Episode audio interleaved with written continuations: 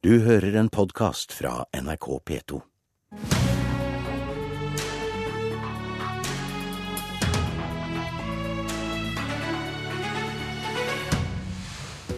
Stortinget har åpna opp for flere privateide friskoler. Hvor stort blir dette omfanget egentlig? Og må alle universitet og høgskoler slå seg sammen nå? Politisk kvarter har samla representanter fra utdanningskomiteen i studio. De landa to viktige saker i går. I rødt hjørne Marianne Aasen fra Ap og Torgeir Knag Fylkesnes fra SV. Og i blågult hjørne Kristin Vinje fra Høyre og Anders Tyvand fra KrF. Vi har hørt i Nyhetsmorgen at Ap og SV mener KrF nå har tatt en høyresving og gått bort fra avtalen de rød-grønne gjorde i 2007. Hvordan er det, Marianne Aasen i Arbeiderpartiet? Ja, Vi syns det er skuffende at eh, Kristelig Folkeparti ikke står ved det forliket som eh, vi hadde fra 2007. Eh, særlig med tanke på at vi ikke har fått til noen endringer i Stortinget fra regjeringens forslag til å snakke om. Hvilket betyr at vi nå får en åpning av flere privatskoler. Og det har vært høyreregjeringas og Frp-regjeringas politikk fra dag én. Når de vant valget, så skulle de åpne opp for flere privatskoler. Det vil gå på bekostning av offentlige skoler, og, og da er det skuffende å se at KrF er med på den galeien. Hva svarer du den tidligere alliansepartneren Anders Tyvand fra KrF? Ja, Da må jeg først si at dette er ikke noe frislipp. Eh, det innføres ikke noen rett til å etablere friskole i Norge. Den som vil starte en friskole, må fortsatt søke om godkjenning på akkurat samme måte som før, eh, og på bakgrunn av definerte grunnlag i loven. Eh, og så har ikke vi tatt en høyresving i KrF. Vi har ikke endra vår politikk, men så er det sånn at den politiske situasjonen på Stortinget har endra seg. Og de rød-grønne partiene og KrF har ikke lenger flertall sammen i Stortinget. Så da hjelper det lite om vi vi fire bli enige om hva slags friskolepolitikk vi skal ha, når flertallet ligger et annet sted. Og Grunnen til at KrF valgte å gå i dialog med regjeringspartiene og Venstre, det var jo nettopp at vi ønsket å videreføre hovedlinjene i privatskoleloven fra 2007, eh, og det har vi klart. Og Torgeir Knag Fylkesnes i SV, eh, det hadde vel sett verre ut sett fra de side om ikke KrF hadde sørga for visse grenser eh, for hvem som får starte opp private skoler? Nei, Det syns jeg er en eh, skinnargumentasjon. Eh, her har de ikke gjort noen forsøk på å gå i dialog med oss. Og det som har, vært, eh, har prega eh, privatskolefeltet, har jo vært større enigheter. Og jeg regner jo med at regjeringa også ønsker en større enighet. Så hvis ikke de hadde fått med KrF, så ville de også gått på, til venstresida så det var mulig å få enda bredere og enda mindre privatskoler. Og det som er påfallende med med, med forslaget fra regjeringa som nå blir vedtatt i Stortinget, det er at de åpner opp for to helt nye måter å bli privatskole på, som er så uklare. Det er det såkalte profilskoler og videregående opplæring i yrkesfaglige utdanningsprogram, som er så uklare i sin definisjon at KrF i praksis har gitt eh, Høyre og Frp stor frihet til å drive en ganske stor eh, privatisering dersom de ønsker det. Og Det er jo det som er veldig overraskende her, og det er derfor jeg mener at KrF har tatt en ganske stor høyresving i utdanningspolitikken. Og Da eh, er du jo for så vidt også inne på spørsmålet om omfanget av dette. Og Dersom det blir åpna for at det nå skal være mulig å åpne privateide yrkesfaglige utdanninger og mm, såkalla profilskoler, Kristin Vinje i Høyre, hvor stort omfang får da det? Denne Endringen som gjøres i friskoleloven nå, det er en utvidelse av grunnlaget. og Da vil det bli muligheter i fremtiden til å også kunne slippe til nye yrkesfagskoler. Vi har f.eks. Lærlingkompaniet som ønsker å lage kokkeskole. og De vil nå få muligheten til dette. og Det betyr at vi nå klarer å lage et forlik som gjør at vi får et noe større tilfang av nye ideer og andre typer skoler enn bare de som har vært listet opp i den forrige loven. Når du da bruker loven. begrepet 'noe større omfang', er det da ønskelig at det ikke skal bli så mange flere, eller, eller er ikke det ønskelig da at en skal utvide dette litt skikkelig? Det vi ønsker er at eh, vi skal ha supplerende skoler fra privat sektor, fordi vi ønsker å opprettholde selvfølgelig den muligheten folk skal ha til å velge annerledes. Og Vi ønsker ikke noe frislepp, vi ønsker å ha en lov som gjør, gjør, det mulig for andre aktører å tilby skoleplasser.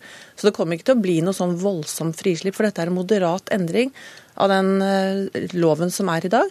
Vi utvider grunnlaget sånn at noen flere får slippe til, og det er veldig bra for elevene. Fordi det kommer da nyskapinger og nyvinninger til som kan være interessante tilbud og gode tilbud for elevene.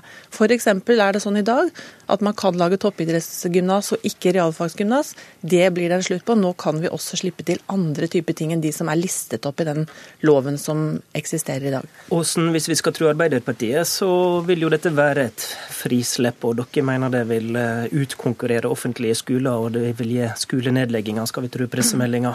Er åpninga egentlig så vid, når du hører Vinje her? Ja, altså, dette med profilskoler er jo veldig uklart hvor, hvor grensen går. Eh, eh og det er det som er problemet. Eh, når du ikke har noen definisjon av hva en profilskole er. Samtidig så åpner de opp eh, for full frihet på yrkesfag. Og det vil nok eh, bli ganske utfordrende for mange fylkeskommuner som skal gi et godt tilbud til alle eh, som bor rundt omkring i hele Norge på yrkesfag. Og hvis du da får opp eh, mange, som det da kan bli, det er helt uklart, Høyre kan heller ikke svare på det, hvor mange det blir, oppstår det, eller kommer det mange skoler da, som tilbyr yrkesfagtilbud, så vil jo det føre til at pengene går til disse skolene i stedet for offentlige tilbud, som da vil slite med å holde oppe det tilbudet og de skolene som er i dag. Hva tror KrF om det, Tyvan, du som fikk den første utfordringa her? Jeg syns jo det er en litt underlig fremstilling. For det er ikke sånn at det blir fritt fram for å starte en hva slags yrkesfagskole du ønsker eh, hvor som helst. Man må søke, fylkeskommunen skal uttale seg, yrkesopplæringsnemnda skal på banen, og en skole skal ikke godkjennes dersom det får negative konsekvenser for det offentlige skoletilbudet skoletilbudet. Eh, og Det er jo veldig vesentlig når det gjelder nettopp disse skolene. Fordi det er så viktig at vi klarer å dimensjonere det yrkesfaglige opplæringstilbudet på en best mulig måte. Vi flytta oss to utdanningsnivå opp til strukturreformen for høyere utdanning, eh, der det også ble konkludert i utdanningskomiteen i går. Nå skal det normale bli at institusjonene skal tilsette rektor. Før har det vanlige vært rektorvalg. Denne foreslåtte endringa har skapt en del reaksjoner og iallfall en motkampanje i sektoren. Kristin Vinje fra Høyre, hvorfor skal det bli slik nå? Det er fordi at eh, vi ønsker å endre hovedmodellen sånn at det skal bli at man at den eh, hovedmodellen skal bli ansatt og ikke valgt rektor. Men det betyr fremdeles at det blir opp til institusjonen. Vi bare justerer det sånn at vi går fra hovedmodell valgt rektor til hovedmodell ansatt rektor. Og det blir absolutt mulig å fortsette å ha valgt rektor hvis man ønsker det. Men vi tror at rekruttering av øverste leder til en stor og tung institusjon på den måten best gjøres ved å ansette rektor, sånn at du får en eh, rekruttering som er noe videre, og rekrutterer fra et litt bredere spekter enn det vi ser i dag. Men SV mener dette er problematisk, Fylkesnes. Hvorfor det? Jeg skjønner ikke hvorfor man skal gjøre denne endringa her. Her har vi et system som fungerer helt utmerket. Noen eh, universiteter har valgt å, å, å, gå over til ansatt rektor. De aller fleste har valgt. Det skal være universitets- og høyskoledemokratiet som avgjør de tingene her. Men det blir jo fortsatt fritt valg?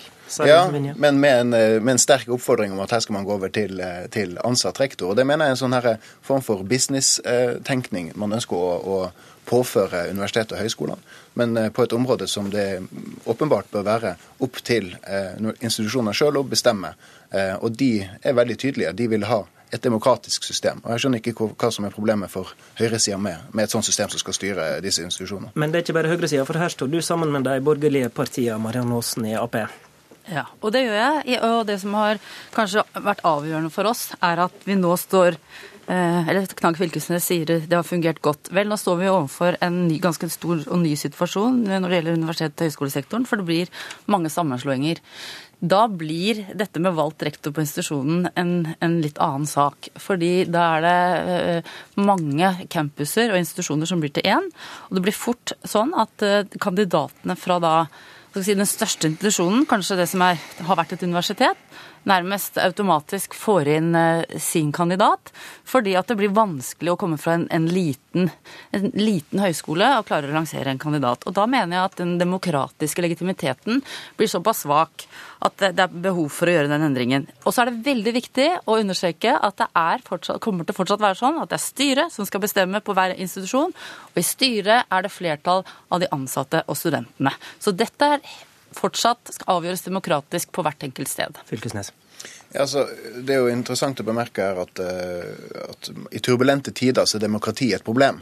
Eh, og jeg mener jo at det, det er jo, Demokrati er ofte en styrke i sånne sammenhenger som dette. her. Det, det kommer til å bli spetakkel. Eh, og det er det veldig ofte på universiteter og høyskoler. Men det er også sånn man utvikler disse institusjonene. Det er sånn for så vidt forskninga utvikler seg. Og det å ha et sterkt eh, universitet- og høyskoledemokrati mener jeg bør være hovedmodellen. Og jeg, jeg er veldig forundra over at det er så mange store partier som ønsker noe annet. Og nå har vi jo i praksis kommet inn på egentlig det som er den store saken i denne reformen, nemlig fusjonene, sammenslåingene. Eh, mange har innleia fusjonssamtaler, men noen eh, institusjoner, f.eks. Høgskolen i Sogn og Fjordane har vært en del framme, de ønsker å stå alene. Kristin Vinje fra Høyre, med det flertallet i komiteen sier nå, blir det mulig å stå alene framover, eller skal alle inn i en fusjon? Det viktigste er at vi skal styrke kvaliteten i høyskole- og universitetene våre. Og Da må vi stille noen krav, og det gjøres i meldingen. Eh, og så må de institusjonene som skal leve i fremtiden, de må innfri kvalitetskrav for å kunne drive videre. Så da blir det mulig blir det jo, å innfri de kvalitetskravene med ikke, dagens størrelse? Det blir ikke det for alle, men eh, de får en mulighet til å se hvordan de skal klare å heve kvaliteten på sin institusjon. Og hvis de ikke klarer det, så må de finne andre løsninger. Hele poenget med en sånn strukturreform er jo å legge til rette en struktur som gjør at vi klarer å styrke kvaliteten i universitetene og høyskolene våre. Vi har visst lenge at vi har for mange små og sårbare fagmiljøer. Og det må vi gjøre noe med. Vi, vi skal ikke kaste blår i øynene på studentene våre. Vi skal ha universiteter og høyskoler som har en god kvalitet, og da må vi gjøre noe med strukturen. Er det ønskelig også... at alle fusjonerer da? Nei, det er ønskelig å oppnå bedre kvalitet overalt. Og hvis det da er eh, institusjoner som ikke klarer det, om de er store eller små, så må de gjøre noe med det. Og det finnes mange gode eksempler på små institusjoner som klarer dette utmerket, og da er det greit. Det viktigste er at vi skal ha bedre kvalitet, og at vi ikke smører ressursene for tynt utover, sånn som vi har gjort nå i mange år. Fylkesnes, blir det mulig å stå alene? Ja, Det tror jeg er veldig viktig at vi sikrer, men sånn som regjeringa legger det opp, så blir det veldig vanskelig. Altså Man ønsker å rett og slett fremme gjennom forskjellige finansieringssystemer og, og andre typer dialoger med ulik type press, fremme rett og slett større sammenslåing. Og Det tror jeg er en veldig farlig vei å gå. Eh, sammenslåing er ingen mirakelkur. Det blir ikke bedre kvalitet av den grunn. Eh, på samme måte som heller ikke økt konkurranse eh, er en mirakelkur for å skape bedre forskning og bedre utdanning. Og det, det, det vi frykter, vi i opposisjonen, det er at regjeringa tror så sterkt på disse to tingene at sammenslåing og konkurranse i seg sjøl virker fremmende på kvalitet, men det kan faktisk virke motsatt. KrF har vært opptatt av å sikre at det skal være mulig å stå alene. Mener du det er sikra, Tyvand? Ja, det mener jeg. Eh, jeg tror ikke at en fusjon er det eneste saliggjørende. Og det er ikke nødvendigvis slik at man må være stor eh, for å levere kvalitet. Og Derfor har vi vært opptatt av at de institusjonene som ønsker å stå alene, og som mener at de kan oppfylle kvalitetskravene, f.eks. gjennom et forpliktende samarbeid med andre institusjoner, eh, skal få muligheten til det. Og Derfor er jeg veldig glad for at utdanningskomiteen er helt tydelig på at departementet ikke skal utelukke slike løsninger. Ja, det står det jo ekstra eksplisitt eh, Kristin Vinje, at samarbeid skal være eh, mulig i stedet for fusjon. Ja, og det, og det, signaliserer jo nettopp at eh, vi er åpne for å se på alternativ. Det skal ikke være noe sånn helt bastant svar på dette, men det viktigste er at vi sørger for god kvalitet på en god måte. Men jeg vil si til Fylkesnes at mirakelkur er jo helt misforstått. For det, denne meldingen er et ledd i en storstilt satsing på høyere utdanning og forskning fra regjeringens side. Vi har fått en langtidsplan. Vi har fått forpliktende opptrappingsplaner på mange konkrete felt innenfor høyere utdanning og forskning. Vi kommer til å komme med melding om kvalitet i høyere utdanning, og vi har økt budsjettene formidabelt siden vi tok over. Så dette er bare et ledd i en stor prosess for å styrke kvaliteten i universitets- og høyskolesektoren vår. Du skal få svar på den utfordringa til slutt, Fylkesnes. Ja, altså Problemet her er jo at uh, man, uh, man, kommer først med, en, med definisjon og satsinger på kvalitet uh, i 2017. Så, så, det er jo her, Dette leddet her, det tar, det tar, sin tid. Men problemet, det mest, kanskje mest sånn grunnleggende problemet her er at de nå går løs på et finansieringssystem der man legger opp til at stadig mer av finansieringa skal basere seg på konkurranse og tellekant. Og Det er jeg redd for vil svekke kvaliteten og skape middelmådig forskning og utdanning. Takk til Torgeir Knag Fylkesnes i SV, Kristin Vinje fra Høyre, Marianne Aasen fra Arbeiderpartiet og Anders Tyban fra KrF. Bård Hoksrud trekker seg som statssekretær for å bli eldrepolitisk talsmann i Frp. Det melder Telemarksavisa og TV 2 i dag. Etter halvannet år som en av de mest profilerte statssekretærene skal det nå være slutt. Politisk kvarter i dag var ved Håvard Grønli. Du har hørt en podkast fra NRK P2.